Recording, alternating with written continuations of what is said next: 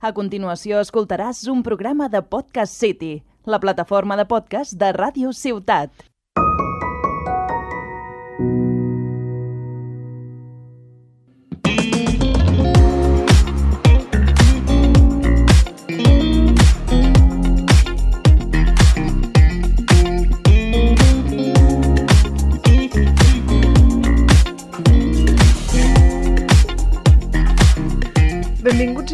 Benvingudes a l'episodi número 11 de Viatges Sonors, el podcast de Ràdio Ciutat de Tarragona on utilitzem els gèneres musicals com a excusa per escoltar música de tot tipus que ens sona diferent i que ens sembla interessant analitzar.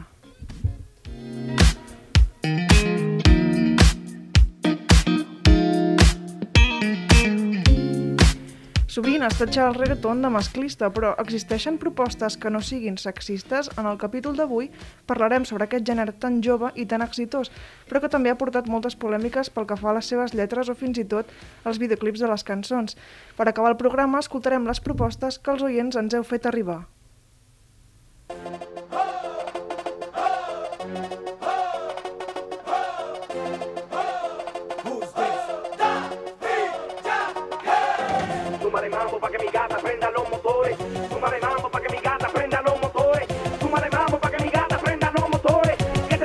Començarem parlant, com hem fet ja molts cops, sobre els orígens d'aquest gènere, i és que el reggaeton va néixer als anys 90, com molts altres estils, va sorgir com un fenomen d'expressió de la cultura urbana que creixia en entorns de pobresa, sobretot a les barriades rurals a països de Sud-amèrica com Puerto Rico o Panamà.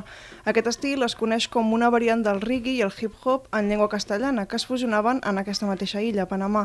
I en aquests principis, doncs, el gènere eh, era classificat com underground i tenia líriques explícites sobre temes com les drogues o la violència, entre d'altres. El reggaeton ha estat especialment influenciat per tota classe de ritmes llatins i ha anat evolucionant amb el pas del temps. Per exemple, el rap el va influir molt a través de la improvisació en les seves lletres. I en tots aquests anys, des de que va començar, els artistes han anat passant de generació en generació i cada vegada són més diferents al que es feia doncs, abans. De totes formes, com hem anat veient en els diferents gèneres que hem tractat a capítols de, de viatges sonors, les coses no ho peten a la primera de canvi i el moment en què comença a ser difós fora de, del país d'origen, diguéssim, eh, pot ser difós. La periodista cultural Maria Angela Rubini situa el hit El, El Latigazo, una cançó de Daddy Yankee, com el primer cop de reggaeton que va començar a, a fer sonar el reggaeton a les ràdios del seu país veí, Colòmbia, i així va ser quan es va començar a expandir fora dels seus països originaris. Latigazo, con un latigazo. Ella se está buscando el fuetazo. Castígala, dale un latigazo. En la pista te voy a dar, yo para la sotazo y palmetazo. Reala, con un latigazo. No calientes la comida si no te la vas a comer. Ya tú no eres una nena más, ya tú eres una mujer. Sabes que si me activas tú te tienes que ir a toa. Toma, toma, toma, dale mami, vamos. D'altres artistes que van destacar en aquell moment, eh, que ara farà uns 20 anys, s'etiquetarien amb el, bueno, la- el nom que es diu Reggaeton Viejo, és eh, Ivy Queen. Segons Radio Televisió en Colòmbia, aquesta cantant va ser una de les responsables del contagi d'aquest gènere al país del sud de Panamà i Puerto Rico. Escoltem en aquest cas Yo quiero bailar d'aquest artista, on diu Lo que quiero es besarte, papi, te lo juro, te me acercas y late mi corazón, lo que quiero es pegarte, eso de una tía, pero bueno, eh, comentarios aparte. Eh, yo no tengo problema en acercarme, bailarte este reggaetón y también el ritmo me está llevando. Mientras más te pegas, más te voy azotando y eso está bien. Dale. Señoras y señores, bienvenidos al party. Agarren a su pareja por la cintura y prepárense. Porque lo que viene está fácil, está fácil, ¿no? Ya. Ey. Yo quiero bailar, tú quieres sudar y pegarte a mí, el cuerpo rosado. Yo te digo tú Eh, com ha comentat la Rosa i segurament us sonava d'abans, el reggaeton és un gènere relativament jove, que va tenir els seus inicis als anys 90. I ens preguntem si hi ha hagut algun canvi en la trajectòria dins aquest gènere. Hi ha hagut un abans i un després, després dins el reggaeton? Quina diferència hi ha entre el reggaeton antic i el nou? Segons Don Gatsby, el creador d'una de les festes de reggaeton més famoses de Colòmbia, si d'una banda escoltem artistes com Ivy Queen, Héctor y Tito o Tego Calderón, i els que triomfen actualment, com per exemple Karol G, J Balvin i Bad Bunny, les diferències principals serien l'expansió comercial d'aquest gènere i la qualitat de les produccions que es fan, eh, es feien i es fan ara. També diu que la comercialització d'aquest gènere va fer una diferència en el sentit que mm, el reggaeton s'ha sortit del dembow, que era el seu origen i el caracteritzava, per mesclar-se amb altres gèneres com el trap o el pop, que no tenen la mateixa essència però se'ls continua dient reggaeton. D'altra banda, Alejo Di Mine, eh, un reconegut productor de música urbana, també afegeix que entre aquests, mm, bueno, el reggaeton viejo i el més actual, la diferència que destaca és la qualitat i complexitat de les produccions musicals. I explicava que al principi el reggaeton era molt urbà, de carrer i que estava fet de forma molt bàsica, perquè el més important era que la gent el volgués ballar. En canvi, diu que, bueno, que les lletres eren més callejeres i poc censurades, mentre que ara es pensa en que la gent, a part de ballar-ho, també vulgui cantar aquestes cançons. Però bé, que això últim us ho deixem a, vos a vosaltres perquè ho jutgéssiu, eh, a veure què us semblen les lletres que es cantaven abans i les que eh, bueno, sonen ara. I farem un breu repàs de diferents cançons de reggaeton més clàssiques i d'altres del nou reggaeton. Eh, de reggaeton antic segur que us sonaran eh, hits com Baila Morena de Héctor y Tito y Don Omar. Morena, dale con tu técnica que yo tengo tu táctica. Dale bote la secta la automática. Yo soy tu gata, mami, tú eres mi lunática. Dale morena que tú eres mi psicótica. Morena, ya no escucho tus signos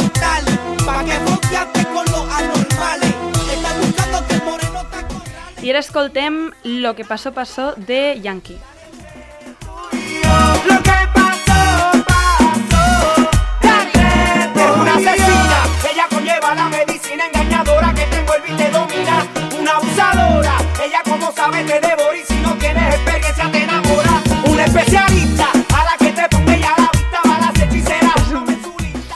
Com veieu, aquest, eh, en aquest cas el reggaeton eh, no fem només que sentir-lo, sinó que aquest, en aquest cas us convidem a escoltar-lo perquè eh, bueno, les lletres donen de sí. El que és segur és que els artistes que van començar dins aquest gènere encara continuen, i, bueno, i que encara continuen dins del panorama musical eh, on ara el reggaeton és imperant, imperant a les xarxes d'oients a Espanya i els països llatinoamericans. Per exemple, Daddy Yankee, Don Omar, Wisin i Yandel, J Balvin, Farruko, bueno, Farruko, no menos, Nicky Jam, eh, Daddy Yankee, eh, que estàvem escoltant ara, és un dels artistes que més s'ha mantingut en el temps dins del panorama d'aquest gènere. Escoltem la cançó titulada La combi completa. La cama todo lo que quieres. Yo me meto contigo donde sea. No me importa la misión que me tire. Quiero verte sudando como quieras. La cama todo lo que quieres. Yo me meto contigo donde sea. No me importa la misión que me tire. Quiero verte sudando como. Aquesta cançó, bueno, jo considero que parla de relacions sexuals, però no amb el matís com de degradar ni ser sexista. És com, bueno, parla de follar, però no... No sé, no sé votar amb les ties, trobo. I encara que té uns anyets, eh, Yankee continua cantant-la encara l'any passat. I, bueno, sembla que aquest reggaetoner no li ha anat malament, tenint en compte que les seves produccions encara es troben eh, bueno, als tops de, de les llistes de cançons, amb exemples com Problema, relació que va fer amb Rosalia, Con Calma o el mític Despacito, que ja hem comentat altres vegades. Eh, tot i que en aquests quatre temes veiem que les reproduccions, per exemple, de Spotify van baixant amb els anys, sent la més nova i amb menys escoltes Problema, i Con Calma, d'altra banda de, de fa més temps, tenim molt més acolliment per part del públic. Ella le dio hasta abajo y se le vio el de todas sus amigas. Ella es la que más nos pasó por el agua y todos dijimos: Esa gata es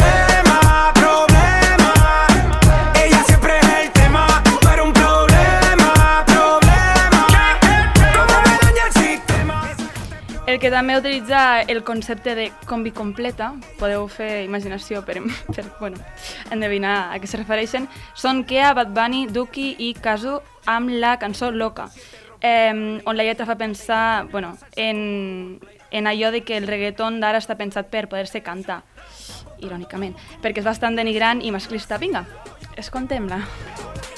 Más rebelde ella no me respeta. Le pido un beso y me da la combi completa. ¿Qué? Chocha, culo, teta, chocha, culo, teta. Yeah. Solo hice pa' probar. Ahora pide pa' llevar.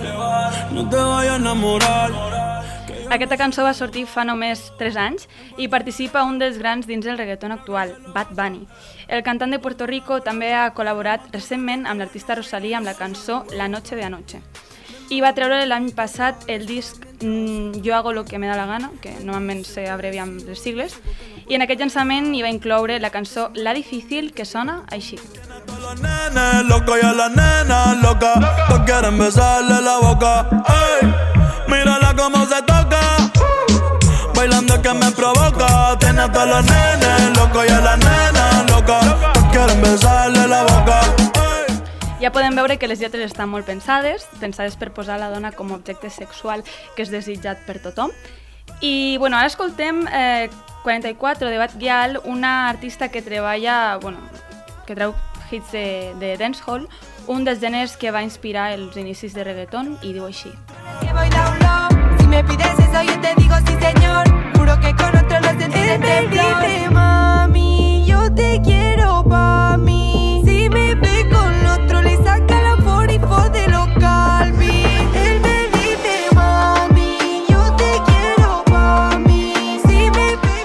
veiem, les, les lletres del reggaeton transmeten doncs, aquest missatge determinat que comentàvem i a través d'un estudi d'intel·ligència artificial es van agafar uns quants artistes de gènere, del gènere més exitosos, com els que ja hem escoltat al principi del programa, i es van analitzar lingüísticament les lletres, fixant-se en quines eren les paraules que més es repetien en les cançons.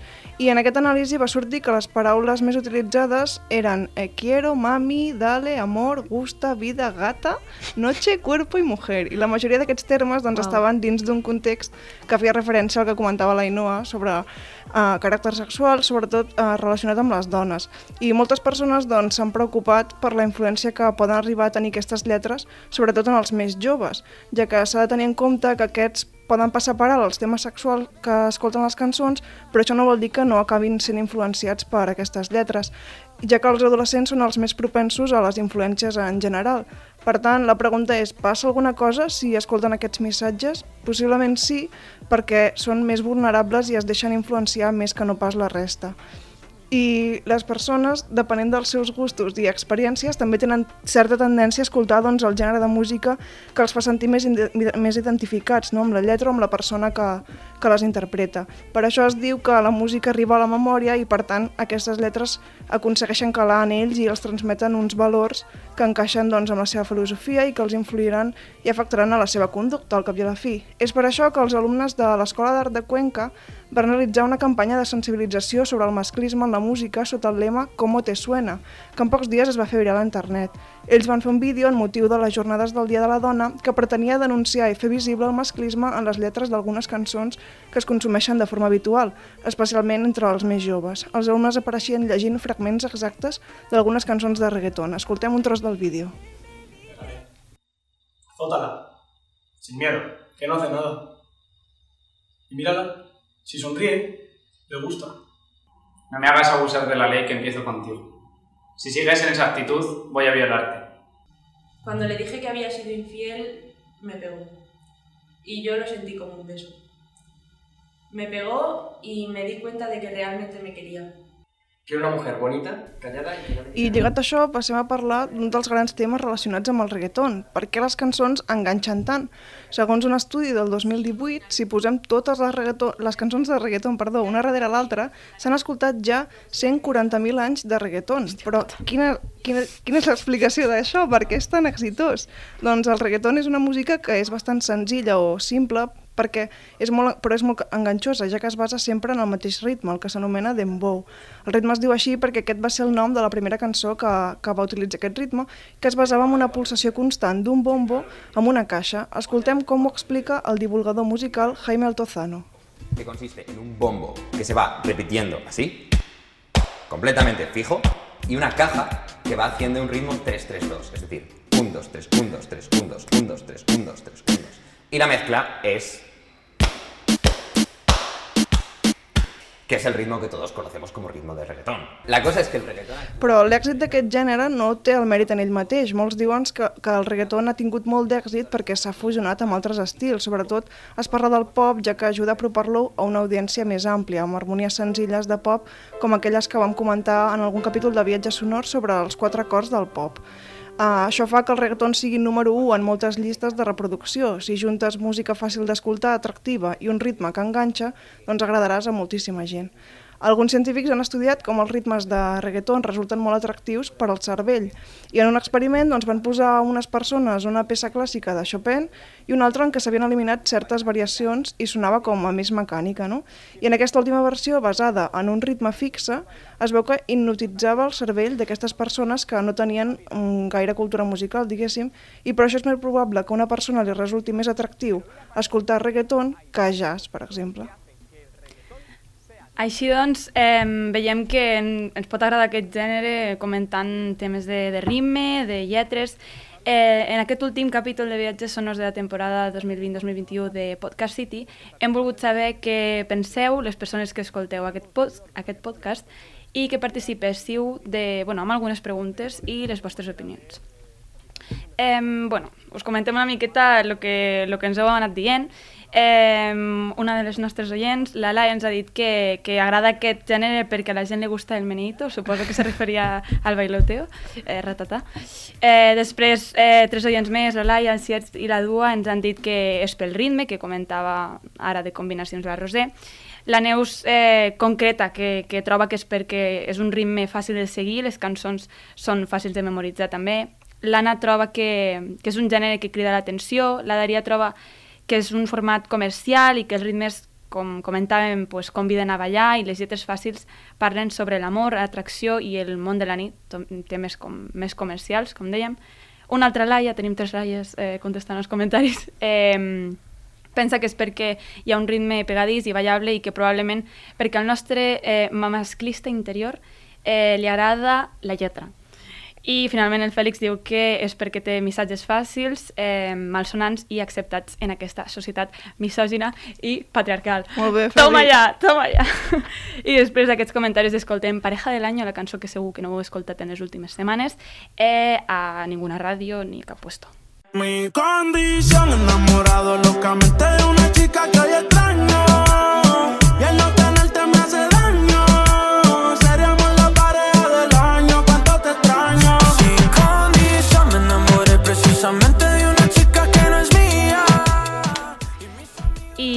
bueno, encara que critiquem el reggaeton, jo he de dir que és que es enganxa molt i aquesta cançó la porta aquí donant voltes al cap cada puto dia. Bueno, i també volem mencionar eh, un altre que es diu Millones, i segur que tampoc heu escoltat. En aquest cas eh, canta Camilo, que per si no ho sabíeu toca eh, al juliol aquí a Tarragona. No estic fent propaganda, he vist un cartell i estic informant. I bueno, quan la vaig escoltar per primera vegada pensava que estava mm, bueno, parlant de motivar les dones a fer feines que bueno, normalment estan menys representades, eh, però crec que estava una mica equivocada, a veure què penseu vosaltres. Tú debes ser ingeniera. Porque qué bien te quedó el puente entre tu boca y la mía. Si hubiera sido por mí, ni me atrevería a haberte dado ese beso que me ha cambiado la vida. Així que llancem una nova pregunta a la nostra compte d'Instagram i preguntem què en penseu si el reggaeton és masclista o no. En aquest debat, eh, sovint, bueno, aquest de debat ha estat sovint sobre la taula i bueno, us ho volíem preguntar també. El 81% dels que heu contestat, és a dir, 13 persones de les 16 que heu participat, en aquesta pregunta doncs, considereu que sí, que el reggaeton és masclista. És per això que, eh, per anar una miqueta més enllà d'aquesta idea que normalment se, se diu, no? és comúment acceptada, eh, volíem saber quines eren les vostres propostes de reggaeton que considereu no masclista, no sexista, tal. Vale, en aquest cas, eh, una de les nostres laies ens proposa eh, Tu eres mi papi de Tremenda Jauria. Escoltem-ne un tros. Mujeres valientes dando un paso al frente, tomando escenarios nos vamos a parar y en la pista nos vas a encontrar. Yo decido que canto y que bailo. Ni mami, ni chati, ni linda, ni guapa, no me llamo nena. Tus letras de mierda no nos representan y a ver si te enteras. Tú no eres mi papi, tú no eres mi papi. La Daria ens proposa Mi Gente de J Balvin i Limbo de Daddy Yankee. Eh, en aquest cas, l'últim artista que ja hem posat bastants exemples, en aquest cas escoltarem un fragment de Mi Gente que, bueno, la Daria considerava que, pues, que no és sexista perquè és com que eh, convida a la gent a ballar i a la festa, però sense cap missatge i corcadet.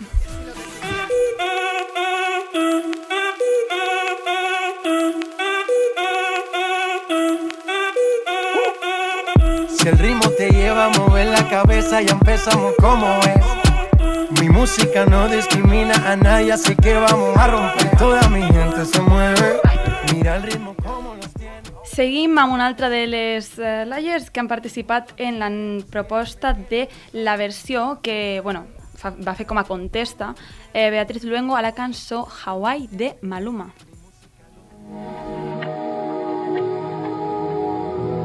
Deja de mentirte.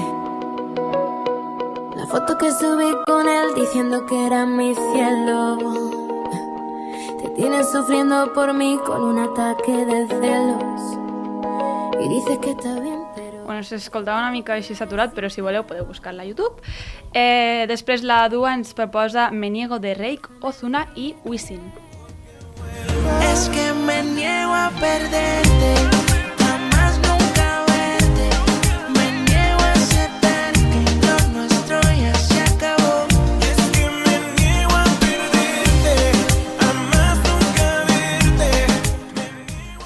cançó Reines de Miss Nina i Zedet. Hoy me levanté sintiéndome triste, pensando en todo aquello que dijiste. A ti que te importa que yo vista como quiera, ponte pinta labios, salte de la cueva. Te sientes cómodo siendo como cualquiera. La última proposta que ens heu fet és Lo malo de Aitana i Anna Ward o Anna Guerra. Eh, I ens la proposa la Laia dient que és una lletra, bueno, considerant que, que és una lletra que es fa des d'un punt de vista de la dona, mm, que, bueno, d'una dona que ha superat la parella que no li feia bé.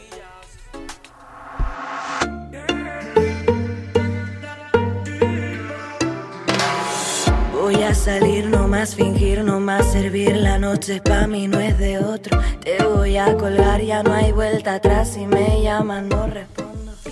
I nosaltres afegim la cançó No toque mi Nike de Nicky Nicole i Lunay. Como sabes, yo no soy de las que tanto le meten. Igual no molestaría si no me compromete tú. Y yo hacemos lo que quiera, pero sabes que conmigo después de eso pichar. Ando en el sky, en la peli como Richard I fins aquí el capítol sobre reggaeton al nostre podcast Viatges Sonors. Esperem que us hagi agradat el nostre podcast i bé, moltes gràcies per escoltar-nos, ens ho hem passat molt bé. No sé si Roser vols dir alguna més? Res, doncs gràcies també a Ràdio Ciutat de Tarragona per oferir-nos aquesta oportunitat. Spam. I ja està, no? Ens ho hem passat molt bé. Esperem que us hagi agradat el contingut que hem preparat. I ja estaria. Pues ja està. Que vaya bien. Como brilla, contigo que lo cojan por la orilla. Si tiran la mala son un par de mordidas. Lo hacen porque saben que estamos al día. Has escoltat un programa de Podcast City, la plataforma de podcast de Ràdio Ciutat.